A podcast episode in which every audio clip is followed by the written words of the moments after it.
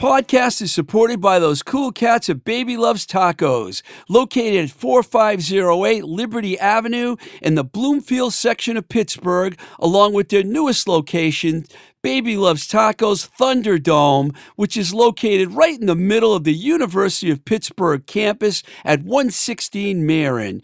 You can get some of the finest Mexican style food this side of the El Paso, Texas border. Check out Baby Loves Tacos website, Baby Loves Tacos pgh.com and stay tuned for the spring opening of the Give and Go Market, which will be located right next to the Bloomfield location. Do yourself a favor, head over to Baby Loves Tacos, say hi to Zach, Cat, Kaz, and the Sandman, and tell them Twisted Rico sent you. Baby Loves Tacos where everybody eats. Welcome to Blowing Smoke with Twisted Rico. I'm your host, Steve Ricardo, coming to you from Voice Motel in Union Square, Somerville, Massachusetts. This week we have quite a show for you. Lynda Mandolyn will be joining us. She's been involved in a host of projects in New England since getting here in 2000 and around 2014, including Tiger Bomb, the outstanding pop duo collab with Lee Harrington, and Crystal Canyon. She's also has some solo stuff that is really good that you can find on Bandcamp and elsewhere. She has like a huge body of work. When I went down the Lynda Mandolyn rabbit hole, I found out so much about her. Um, she's been at it since like the mid 80s. She's from Detroit, which is totally cool right there. One of the best music cities in America and one of my favorite personal music scenes ever. She played most notably in the female punk band Inside Out, who were on the Motor City Burning compilation, which came out in 1998 and included a ton of bands, including the MC5, the Stooges, and even the great John Sinclair had a track on that one. She then moved to San Francisco, where she played in another very cool band, Fabulous Disaster, who had a deal with Fat Wreck Records, or just Fat Records, however you want to say it. and she did a lot of touring with a lot of cool bands, so I'm sure we're going to talk about that. And my good friend, Troy Gregory, also from Detroit, sent me a track that he played bass on with Lynda in a band called Wild Butterflies, which I didn't know anything about. So, as you can see, we have a lot to talk about, and she'll be here in a few minutes. So, hold tight for that. I want to say a few words about Disorder Vintage. Now, if you have a pile of t shirts sitting around and they're all rock t shirts or TV shows or whatever, Disorder Vintage is your huckleberry. Been dying to use that. It's your huckleberry. What a cool company. Disorder Vintage buys and sells vintage t shirts and emphasize a curation of 80s and 90s alternative music products, and they've been doing so since 2017. And their slogan's a good one T shirts are temporary, good taste is forever. Disorder Vintage will be hosting a vintage show May 28th in Providence, Rhode Island called Faded Show, which will be a curated mix of national and international vintage dealers and highlighted by an art exhibit that showcases the lineage of screen printed t shirts 1930 to present. They will also host a panel with original artists behind the designs themselves, including Joey Mars, Joe Perez, and the great Sean Taggart. You can reach Ryan, the main man at Disorder, at disordertracks at gmail.com or at Instagram at disordervintage, or you can head right over to their website, which is disordervintage.com. And for more info on The Faded Show, check out fadedshow.com or at Faded Show on Instagram. All right, before we bring Lynda Mandolyn out, let's check out a track from the 2021 release by Crystal Canyon. The album's called Yours with Affection and Sorrow, and this is a really cool track, and it's called True Blue.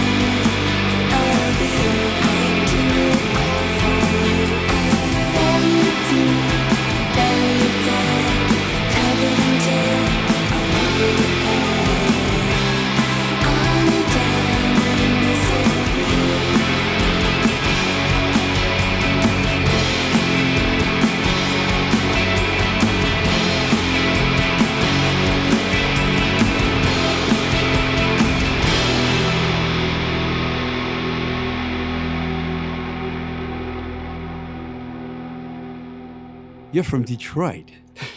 Originally, yes. which is like one of my favorite music scenes in the history of rock and roll for obvious reasons. And you know, I used to go there a lot too and hang out at Jim Diamond's studio and I know a lot of bands from there. What what was was it like? Like what was it like growing up there? Did you were you born in Detroit? Uh, born in Detroit, but I, I grew up um, in a close by suburb called Royal Oak. That's a famous place. There's a really good record store there. I remember. Oh yeah. Um, Yeah. Off the Record was there. Yeah. That's like an early, really cool record store. Um, it had a really good, you know, um, punk rock new wave scene in the in the eighties. Um, I kind of started out playing like live shows at sixteen. So like in the late eighties, I played a, a very infamous. Can I swear? Shithole You can in say any Detroit. word you want. called the Falcon Lounge. That was like our first show. It was Yeah, pretty I- wild. That place I don't know, but It was short lived, but it was it was pretty infamous. It was this is kind of pre White Stripe era Detroit rock. late '90s, Uh, yeah, late '80s, early '90s, right? So it was very late eclectic. '80s, late '80s. Yeah. late '80s, yeah. So very eclectic, rock and roll, some synth stuff, a lot of metal, uh, a lot of punk rock, which was, you know, I was involved in a lot of punk stuff. Um, but yeah, it was a great music scene to grow With- up in. with the mix of, too. Yeah, with the mix of Motown, and then you had you know the the Alice Cooper Segers, and then the garage rock explosion. You had so much good music going on there. Motown made the rock bands cooler, I think. You know, like the Dirt Bombs to me are one of the coolest bands. Oh, I know. They're and they're kind of like taking the R and B and the rock and Yeah, smashing yeah. it all together. Mick Collins, you know, Yeah, well, we used to play with his old band, the Gories. the Gories are legendary. man. yes, yeah, yeah, very cool. When we were talking on the phone, I mentioned a few bands, and you know them all: the Paybacks, the Fondas, the Gore Gore Girls. Very cool. I mean that that scene. So you you were uh, in Inside Out, which is like a very cool band, which I went and did a lot of research on. You were on the Motor City Burning compilation with the MC5, the Stooges. John Sinclair and a bunch of other cool bands. That must have been really. So you were only a teenager at that, that time? Um, no, when that when that um CD was released, I think I was um maybe mid twenties, but Oh yeah, that that came out a little later. Yeah. Yeah, yeah, But the recording is from like ninety three, so like early twenties. Nice. Yeah, yeah. I was like touring in Inside Out at age 20, 21. Like we went over to Europe. We got signed to an English record label off of a two song demo cassette in Maximum Rock and Roll. So they they reviewed that and they gave it a good review and we got like all this like all these letters and this one guy from Darlington, UK, he had a ba- uh, he had a, label called Meantime Records. So he offered to put out our first record. Um, and after, you know, shortly after that, we toured um, two extensive tours of Europe after that record came out. And we also did a John Peel session. That's fantastic. I did read that and I was like, pretty cool. It was very cool. How long was that band around for Inside Out? Because I remember hearing about them. They had a little buzz going. Yeah, um, probably um, officially like super late 85, early 86 till I left for California in 95. So right up into the end. Oh, so you were in end. that band for a little for a while. Yeah, I started it in, I don't know, nine, ten years. That's fantastic. Um, while we're on the topic of Detroit, I mentioned this before we turned the mics on. I talked to our turns out to be our mutual friend Troy Gregory. Yes, I love Troy. And he told me about a song that he played bass on of another project of yours called Wild Butterflies. And I checked it out, and it's very much leaning towards a prog rock kind of sound, which makes sense. Troy's perfect for that because, you know, Yes. Geddy Lee's his favorite bass player. Right. Even though he's been in punk bands and he was in Prong and Flotsam, he loves Geddy Lee, you know? So of course. hanging out with Troy is always a trip, isn't it? Yeah, he. Uh, I've known Troy since probably the early '90s. I think when he was in Prong, his parents used to live, I think, in Holland, Michigan. So he would kind of go back and forth. I think from Michigan, New York, kind of thing. Um, but I recorded with um, Troy through my friend Keir, who's in a really cool band called uh, Medusa Cyclone. They're like That's his alter ego. Yeah, yeah, Yeah, I've heard yeah. of that guy. Yeah, um, and they're like my fa- they're a huge influence on me and my band Crystal Canyon. So the song I did with that I wrote um, and recorded with Troy eventually became a Crystal Canyon song, which is on the album that I gave you. Oh, nice. Yeah. So Wild Butterflies was kind of just this uh, an alter ego you were using for a little while. Yeah, it was before I got with Crystal Canyon, and they, you know, I I demoed these songs, so they they picked like three out of four of the Wild Butterflies tunes to start with, and so it just became like Crystal Canyon stuff. I'm very fascinated by how many different styles of music that you play. You know, I mean, you're like kind of like it's All cool over the though. place. It's cool though because they're all separate and different projects. Um, so after you left Detroit, you moved up to San Francisco, and then you got involved with Fabulous Disaster, who had a deal with Fat Records, Yes, Fat Mike and company. yes. Uh, I know that band did a lot of touring. I think you guys toured with NoFX, the Dickies, and you Oh, yes. mentioned a few other bands too that Yeah. you toured with. So that must have been exciting. You- They Wonderful. now, yeah. you were replaced their original singer. You're like in the second version of the band. Is that how it worked, or was it the other way around? Um, no, I've been in the band the whole time. Um, when we first started out, I was the guitar player and the um, harmonist. So um, our lead singer left, and I became the lead vocalist. Oh, okay. I'm sorry. I thought you had Nope. replaced her. No, So no, no, you no. were there from the very beginning. Yes. Wow. Yeah. One That's of the cool. founding members. Yes. so yeah, I mean we we were doing so well, you know, we had two records out and, you know, being on Fat, Pink and Black really exposed us to way more people, you know, than we would have been. So we kind of skipped a level, like we didn't really have to do the club, the clubs like we were doing. We kind of went to playing the big shows with like, you know, NoFX and um, played with Flogging Molly. Um, we were on a uh, like a festival in Europe called the Deconstruction Tour. So it's like Europe's answer to the Warp Tour. And so we Oh, were in the that's on the big stage with everybody. It was amazing. TSOL, um, Thrice, Boy Sets Fire, tons of great bands. So it was it was awesome. What was it like going from Detroit to San Francisco? Because they're very different places. Well, it was hard at first. I only moved out with like 300 bucks in my pocket. Those kind of stories work because when I bought a one way ticket to LA when I was 22 Yeah. years old, I only had 200 bucks. So those are like the best See? kind of stories, right? Sure, sure. So did you have a couch to sleep on like I did when I got to LA? Or did you w- have to wing it from the 300? Um, well, our the the band I gave you, Loomer, who started out in Detroit, we were a shoegaze band. Um, the um, the other girl in the band, my friend Ginger, she got a job in the Bay Area. So like we were, you know, kind of wondering, oh God, we want to move somewhere like San Francisco or New York. It might have been New York. It could have been Seattle. And then she got this job offer, and we're like, okay, let's, you know, like go to San Francisco or whatever. And she found this little house in this really crappy um, South Bay city called Fremont. No offense to anybody that lives there, but it was like a stepping stone, you know. And then we moved into San Francisco, did some shows, and um, I don't know why I did this, but I answered an ad for like a um, a, a bass player in an all female punk band, and it turns out that the um, the guitar player is actually a guy named Jimmy Crucifix, and he's amazing. And we started a band called Piston. So Piston predates Fabulous Disaster.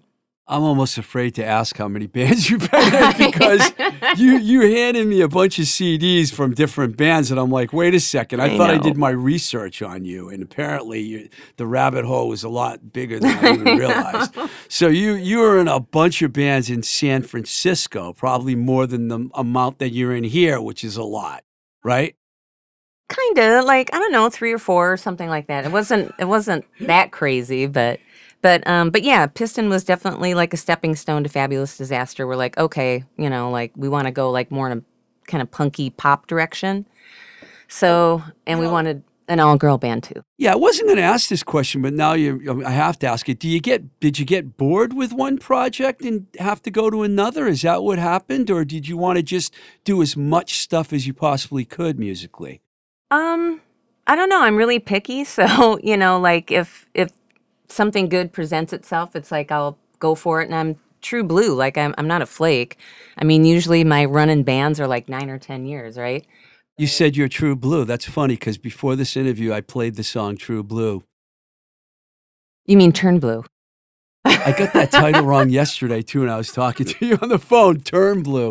Okay, you're not true blue. You're Right, turn no, blue. right. You're not turn blue. You're true blue. okay, we'll be okay. So it was more like you just liked playing a lot of different types of music. That's why you bounced around. It wasn't Kinda. of boredom. Right, right. Um, yeah, I mean, there's something to be said about like just being able to, like with Tiger Bomb, plug in and play three, four chords, really good songs, a lot of harmonies. And then you have Crystal Canyon, which is way more um, layered, um, different Oh, tuning yeah. styles, lots of effects, um, a lot of harmony, um, and just a different type of sound, you know, like shoe, well, they call it shoegaze, but um, yeah. I called it shoegaze too in the introduction. So that's what it pretty much sounds like. So this is interesting because I was driving up here with my friend and I mentioned to her, I said, she moved from Detroit to San Francisco and then she moved to Portland, Maine. And I was thinking, why didn't you just go to Portland, Oregon? What would make you move from San Francisco to Portland, Maine? Um, well, San Francisco was kind of getting um it was kind of crazy. The traffic was insane, you know, a lot more like crime and stuff. And just wanted to be like more I don't know. Like a liberal city with a lot of crime. I We'll know. blame the suburb suburbs people for that. Sounds familiar, doesn't it? I know. I know. Um but yeah, um well, I mean, we did it for family reasons too. So, um we had some family in Portland and every time I had been there, I just love it. I mean, it's, you know, right on the water. Um but when I used to Oh, it's a visit, great place. Don't get me wrong. It just seemed like a surprise, like of a. Well, you did go from one ocean to the other, but they're kind of not. Right. that- well, they kind of are in a way, I guess. When you think about the people that live in Portland, is very liberal-minded people up there. You know. Sure. And I kind of miss like the Four Seasons too. I mean, the summers in Portland, Maine are magical. They are beautiful, like Boston. I mean, like they're unbelievable. Whereas in San Francisco, it would be like very the same year round until like I left and there was a huge drought. But anyway, I- It's Um, funny because I've heard people say uh, they're from Boston, and you're like, "Where in Boston?" They go, "Well, actually, Maine." you know, it's kind well, it's only two hours, Right. I think, from Portland Yeah. to Boston. You know, I lived in Eliot, Maine, for a year out in the woods. I needed no to get. way. Yeah, I needed to get away for a while, and I went up there for a whole year in the woods. This guy Joe Mazzari, I don't know if you know him. He's a bo- as a musician. He played in a bunch of bands. He had a a, a, a basement apartment, and I and, and I was in Florida. Then went down there for a little while. I'm kind of like you. I've lived I lived in seven states. I bounced all over the place, but Right. always because of something to do with music. You know. Sure. Sure. But I like Maine. I really do. I love it. Portsmouth is Portsmouth, New Hampshire is fantastic. oh yeah. It's like they're, yes. they're very connected, Portland and Portsmouth. And So- a very cool place to play there. What is it? The press room? Press room? Yeah, there Yeah. used to be an unbelievable bar, which I'm sure our friend that's sitting in the corner over there, Jim Janota, I'm just going to mention he's in the room just to drop a name. I'm sure that he played the Elvis Room, which was like a big, big bar in in Portsmouth for a Oh, while. wow. It's not around anymore, I don't think. But it No, used to I haven't a heard of it. really popular place for punk and garage bands, even metal bands and stuff. Very I've always cool. liked Portsmouth. Yeah. So when you cool. moved up to Portland, did you have any leads on playing in a band, or did you just meet up with the guys from Tiger Bomb up there, and then they asked you to join, or how'd that all happen? When I moved to Portland, Maine, I wanted to quit music. You did. Yeah. I was You done. Right. Um, I had a bad experience with my very last band in San Francisco, um, and I gave you the record. Um, too bad because like a really good friendship kind of was That destroyed. happens in the music business. I know. Unfortunately. I know.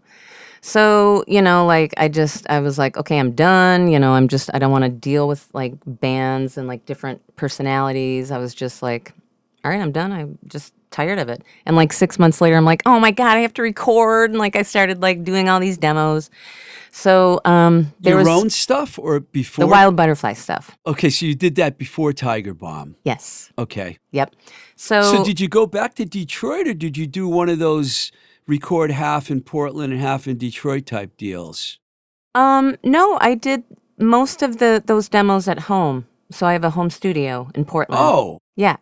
And you just got Troy and those guys to just play on it. Yes, Oh, they sent me the tracks. nice. Yeah, but I actually You wrote were- that you- You song. were pandemic ready before the pandemic. I know. Sharing files. But yeah, I actually, but I would get together with Keir when I was in Detroit and like, you know, work on some stuff. And so we had that one song down and then we would send files back and forth, which we're doing again for another Medusa Cyclone song, which should be out this year, I hope. Um, but so yeah, about um, Tiger Bomb, there was this guy in Portland. He was a big, like, girl punk rock fan. His name was Richie Rotten.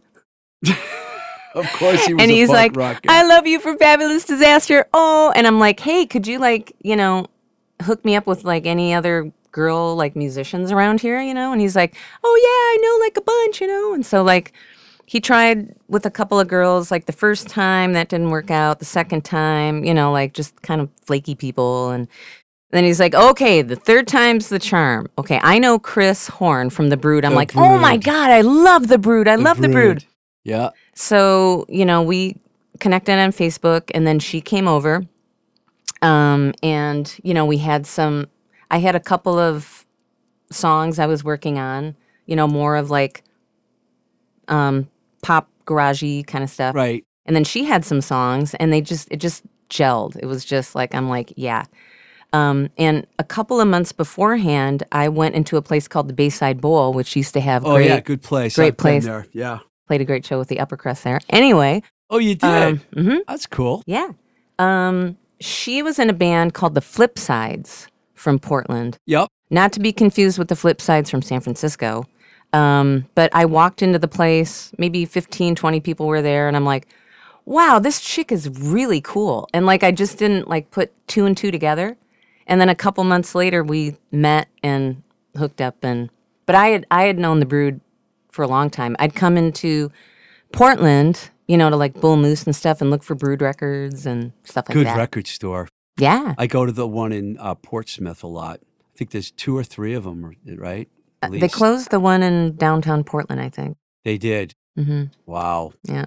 Um, well, the Brood were really a, a popular band in their time, and I really like Tiger Bomb a lot. Some bands that I've worked with played with Tiger Bomb.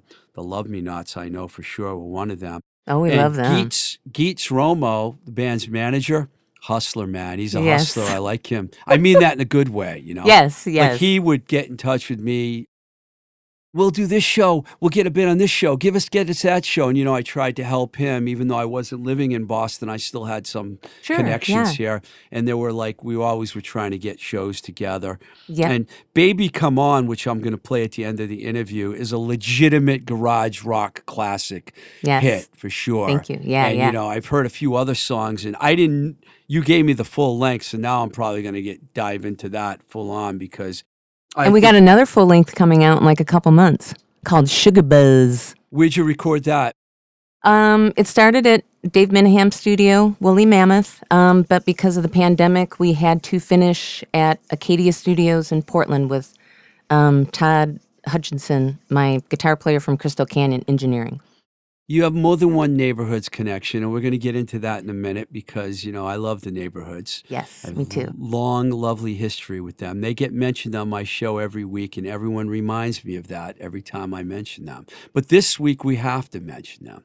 Yes. Um, Crystal Canyon is a very interesting project, and I wrote here that it falls into the gays gaze, shoegaze category. Right? Played the song Turn Blue, True, and I wrote down True Blue. Yeah, I don't know why I did that. Turn Blue. That was my favorite. Boomerang, I like too. Thank you. Hopefully, I got that title right. Um, tell us about that project. You said that kind of started in Detroit, and you kind of took took it with you almost, or Yeah, but Crystal Canyon uh, started in Portland. Um, just some of those songs, the Wild Butterfly songs, the um, they were the, the demo. connection, yeah. yeah, yeah. So I had those songs. The Crystal Canyon guys love those songs, so we made them our own. Um, but how the band started was I was recording with Tiger Bomb, that album I gave you, and Todd took me aside and he said, "Do you want to start a power pop band with me? I love your voice." And I'm like, that sounds pretty cool. I like that. Blah blah blah. And then like a week later, he's like, no, wait, even better. Let's like do something more like shoegazy cool. I'm like, yes, I'm I'm on board with that because like I'm in the Loomer, the CD I gave you. That's like the first wave of shoegaze, like the early '90s My Bloody Valentine wave of shoegaze bands. Um, so yeah, My Bloody Valentine is a huge influence on this band. But um, he already had a, a uh, bass player Jeremy and a really great drummer Hayes lined up, and we just clicked like it was like magical. Um, put out a record. Um, our new single was debuted last night on DKFM, and it's the largest shoegaze radio station in the world. Really? Where are they located? They have um, a station in LA and I think in Toronto too. Nice. And they might have something in Europe as well. That is a really uh, interesting balancing act you're doing with garage punk and shoegaze. I mean, that's like, whoa, man. I'm not really sure, but I like the band. I think Crystal Canyon's really good. When I you're in two, well, three, because we're going to talk about the third third one, maybe even four. But um, Too many. yeah, you're like, well, that's okay though. You're you're you're living your life the way you want to live it and doing the rock and roll the way you want to do it. So I totally can't argue with that. Right. Um, I love the work that you and Lee Harrington have done together. Lee was actually on my show over a year ago, and he told me that he was going to be doing this new project with a girl named Lynda, but he didn't really elaborate on who you were, so I had no idea. And then when I got the song Real Love, I was like, whoa, this is really, really good. So, how in the world did you and Lee Harrington ever hook up? Well, that was sort of like a pandemic um, uh, collaboration. He actually wrote me a fan letter on Bandcamp. He did? Yeah, because he heard my um, solo single called Portal to Your Heart. I released that during the uh, pandemic on, on Bandcamp. And he loved that song. And he wrote me and he's like, oh my God. He's like, that is such a, you know, your voice is beautiful. And like, it was really cool. And I, I'm like, Lee Harrington, hmm. You know, I kind of know that name, but I, I don't really know it, you know. did know? you ever see the neighborhoods? No. Wow. No. But I remember being in Detroit, like in the late 80s, and seeing like a neighborhood's banner over this. Miller High Life beer. Yeah, like with the neighborhoods, but like I think they were. with Miller High Life beer for a while. I think so, and but they were. They also played a lot with the Ramones. Oh yeah, well, You know? uh, Tommy uh, Erdelyi, the original drummer of the Ramones, was a huge Neighborhoods fan.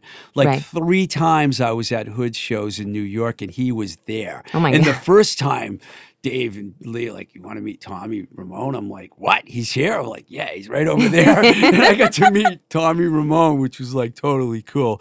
There were a lot of people that are fans of that band, and Lee Harrington's a real is one of the reasons why because he's one of the Oh my God, not he's the only best. best. musicians, but one of the nicest human beings on the planet. Yeah, he's amazing. Hi, Lee. I love you. Um. So yeah, but he yeah he wrote me the the um uh note on face uh no Bandcamp, and so we kind of went back and forth. We were just trying to figure out like what to do, and he's like, hey, we should you know do a collaboration. I'm like, yeah, that'd be great. And he sent me Real Love, the demo version, and it blew me away. I couldn't stop listening. I was like, you know, like wa- walking around the cove with my headphones like on 10, you know, I'm just like, "Ah, I got to be a part of the song, you know, like it was just so great. And he's like, really? Okay. And so, like, we would share files back and forth. Like, I put a bunch of like harmony and stuff like that on there. Um, so he went into this is all during the pandemic, by the way. He and Chuck Friera, the drummer, Right. Yes. um, went into is it Mad Oak Studio? Mad, Oak. Yeah, I think Benny Grotto uh, engineered Grotto. it. Yeah. Yes. So they did the drums there. And I think Lee did a lot of his um, bass and guitar and vocal work in the barn. Ed, oh, geez, I can't remember his name. Ed. Reamer. Ed Reamer. I don't know how my memory's working so Yes. good today. That's unusual. Yep. Ed Reamer. There's a lot of good engineers in Boston. That's the one thing about this town is there's a lot of good places to record. oh, yeah. you yeah. know? And so I was, you know, I'm close with Todd. Todd, my guitar player from Crystal Canyon, he has his own studio in Portland. So I cut my tracks there. So we decided we're like, okay, well, let's, you know, let's have Brian Charles mix it Yeah. and master it. Oh, he lost his studio, didn't he? I know. Bummer. It was a heartbreak. I know. I just, oh man. sad. And he just moved into that. Yeah. But this was pre that. Like, this was in the old um, place. And we also did a song that I wrote called Sweet Child. Yes. So that was. Played that on my show too. Thank you. And it was great to like do video for both of the the songs. So Real Love we kind of shot on our own and um uh you know had had a video made and then um, by the time Sweet Child came around, we could actually go into the rehearsal space and like be together and record the video. So that was a lot of fun. Okay, here's where I get completely confused because Red on Red and Rum Bar, I God, I wish they were one label because you know Justine and the Unclean aren't even on Red on Red; they're on Rum Bar. So Right. I can't even remember now if Lee, you and Lee are on Rum Bar or Red on Red. We're I'm on like- Red on Red. Okay, see what I mean? I it's, Yeah. it's like very confusing. I talked to Justine about this, and she says it's one big happy family, and that's fine with me because I love Lou and I love Red on Red, and I love them all. I just wish they were one company. Well, they're both doing great. They both put out great stuff. That's all that matters. So, do you and Lee have plans to do more stuff together? We do. It's been it's been a little slow going because of pandemic and just like um, location wise, but we're we're working on a few songs separate, and we're gonna like try to get together sometime in the spring um, and just kind of flesh out some new ideas.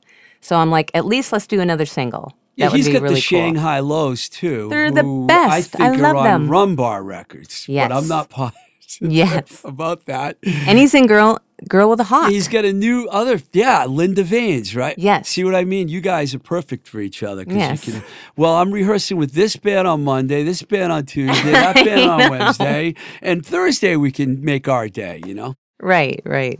Well, you just got to keep doing it. You got yourself really integrate integrated into the Boston music scene during a really difficult time. I know. But now you're going to be able to like, you know, Yeah. play all the venues and stuff and go out there and do stuff. Do you have gigs lined up? I hope so. Um, n- not in Boston at the moment, but both um, Tiger Bomb and Crystal Canyon are playing. Yeah. Yeah, the All Music Festival, which is a very prestigious uh, Maine-based music festival. Um, Tiger Bomb's going to be main support to Lady Lamb. She's Wow, that's got big. yeah, she's gotten a lot of national attention, and she's originally from Maine, and I think she's in Brooklyn now, but she might have moved back to Maine. I'm not sure, but um, it'll be great. It, both bands, like fr- I think Tiger Bomb's Friday and Crystal Canyon Saturday, What, do you know the dates on those? May 20th and 21st. Great.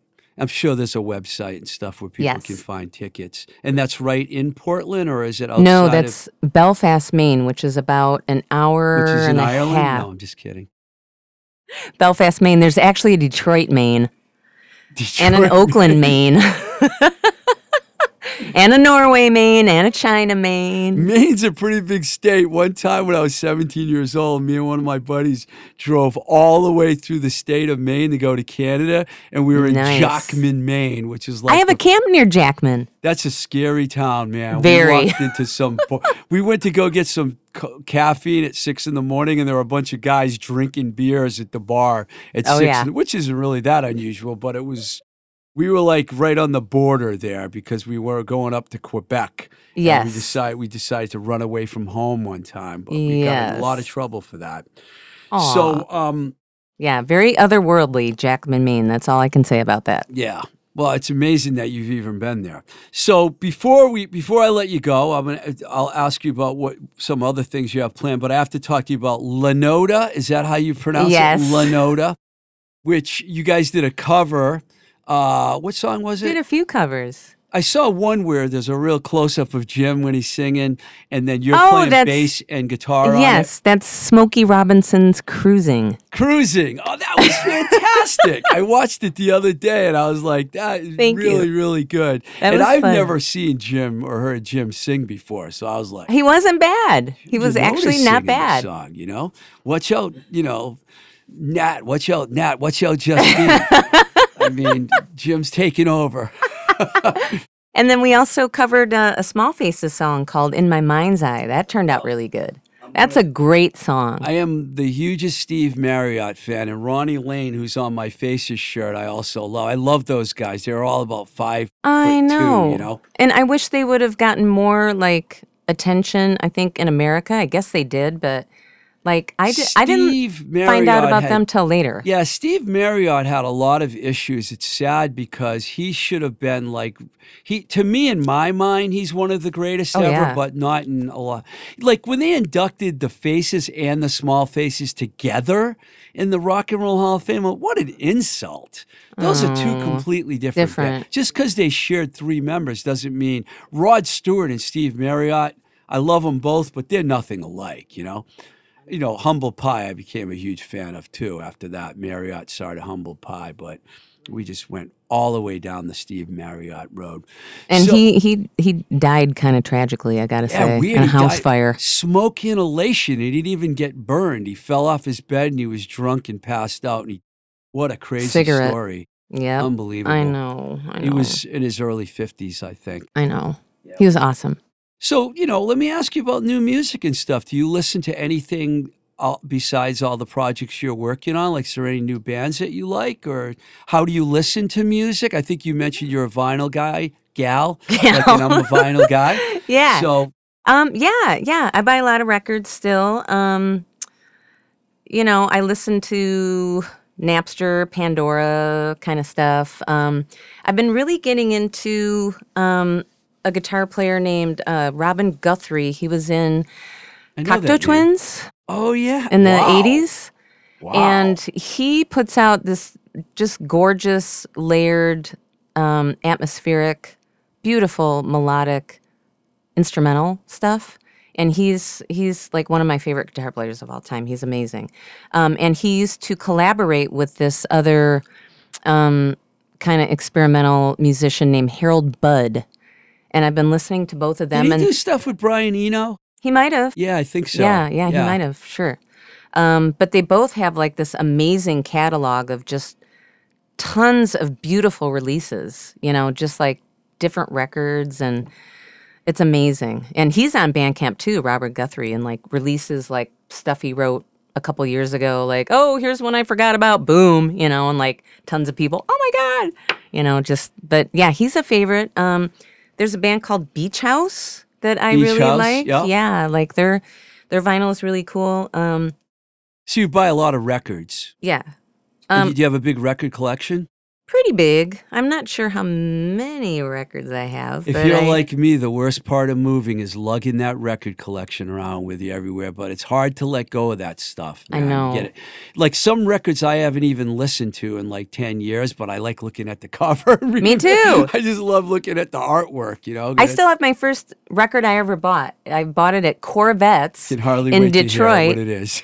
Meet the Beatles. Oh, cool. I think. I was like four. I like my mom said you had like your own money and you wanted to go and buy Meet the Beatles. So and they were already broken up quite a while when I was four. So Well, of course, I have to tell you my first two records because I remember them: the Beatles, uh, Penny Lane, "Strawberry Fields Yeah. Forever" '45, and the and the Monkees' first album. love it. That those two bands got me into like wanting to be in a band.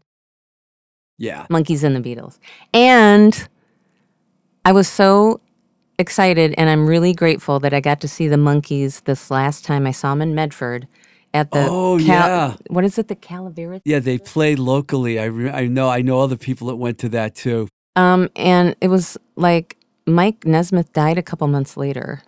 And so like it was Mickey's the only one left, huh? uh-huh. And Mike is my favorite. Like I've loved him since I was a baby. He was the songwriter in the band. You know, Yeah. well, he wrote a few of the songs, the ones that Tommy Boyce and Bobby Hart and Neil Diamond didn't write, but yeah, but you got to love that band, you know. I know, and it was just great to see him. I mean, he wasn't in the best shape, you know, like he's he was old, um, but he he wanted to do this last tour, and I think he knew, you know, it was obvious, like it would be his last tour, and I'm like, this is probably going to be the last time we see him, and sure enough, he died in December. So Yeah, it's it's sad seeing all these rock stars leaving us, you know. I know Even the older we get, the more they're going to go. Yeah, we've lost some people locally too. It's just really it's a bummer. But um thank you so Thank much you. for coming down. You see, I thought since you lived in Portland, you might want to do a Zoom, but then when you said you'd come to the studio, I was like, yeah. I know. I I'm like, I well, want to get back into the real life again. You know, I know And you have to. I know we've been like in the closet for so long I know. here. You know, and I went and saw the Handyman last night, and they were great. It was at the Plow and the Stars, and like that's a small Oh, I- bar we kind know of it. thing. Yeah, It's an all-star band. Who else is in the band besides Jim? I mean, there's a bunch of rock stars in that band. Charles Hanson and Chris Cody, and a very dear friend of mine, Anthony Kaczynski. Oh, Anthony's from Detroit. I forgot to mention him. Yeah, he's another. Detroit guy, Fire King, and yeah, uh, he, yeah, he's a really good guy. He hangs out here sometimes. He's Oh, gonna awesome. he's gonna come on my show. I got to get him on. He's a really good guy. Yes, he's the best, You and a great voice. Yeah. Do you still have a lot of family in Detroit? They're all gone now. Wow. So, you no. don't get there too often anymore. No, but I'm going in June. Oh, you are. Yes. Oh, Yeah, cool. yeah. So, um, yeah, see my friends play. Um, I actually have tickets to see Tears for Fears. Oh my god, Nice. I'm so happy they're back together again.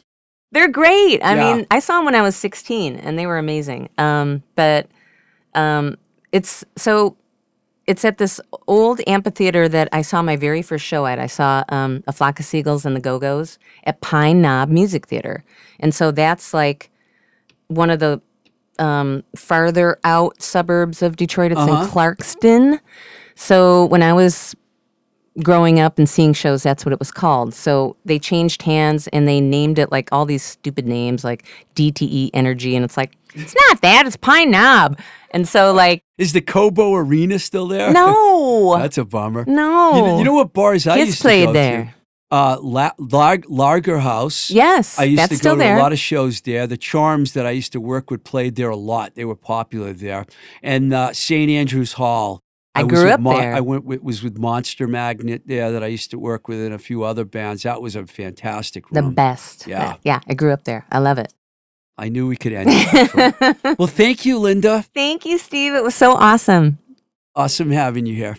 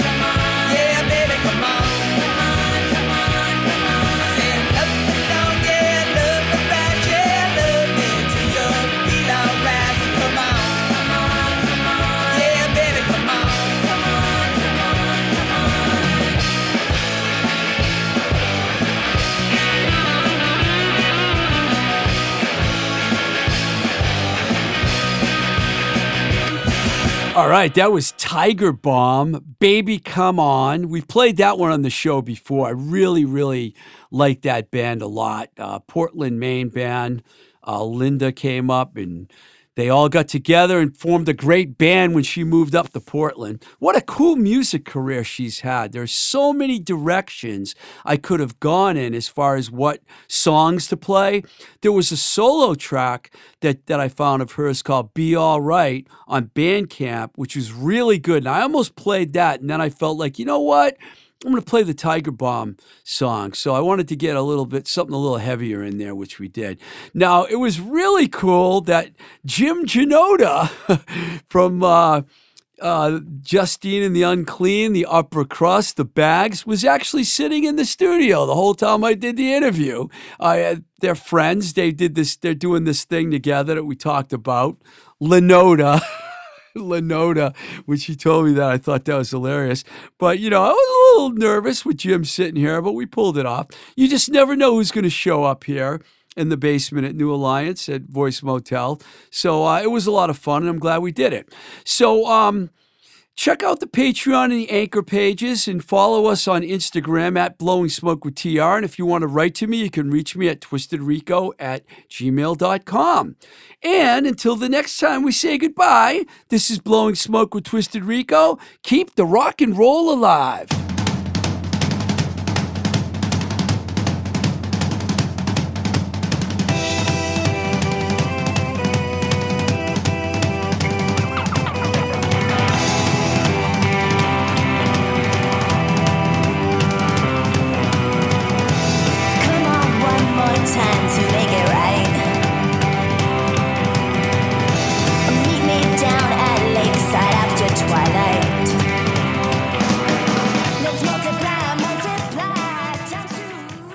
Voice is recorded at Voice Motel, voicemotel.com, your complete podcast recording experience, located in Union Square, Somerville, Massachusetts.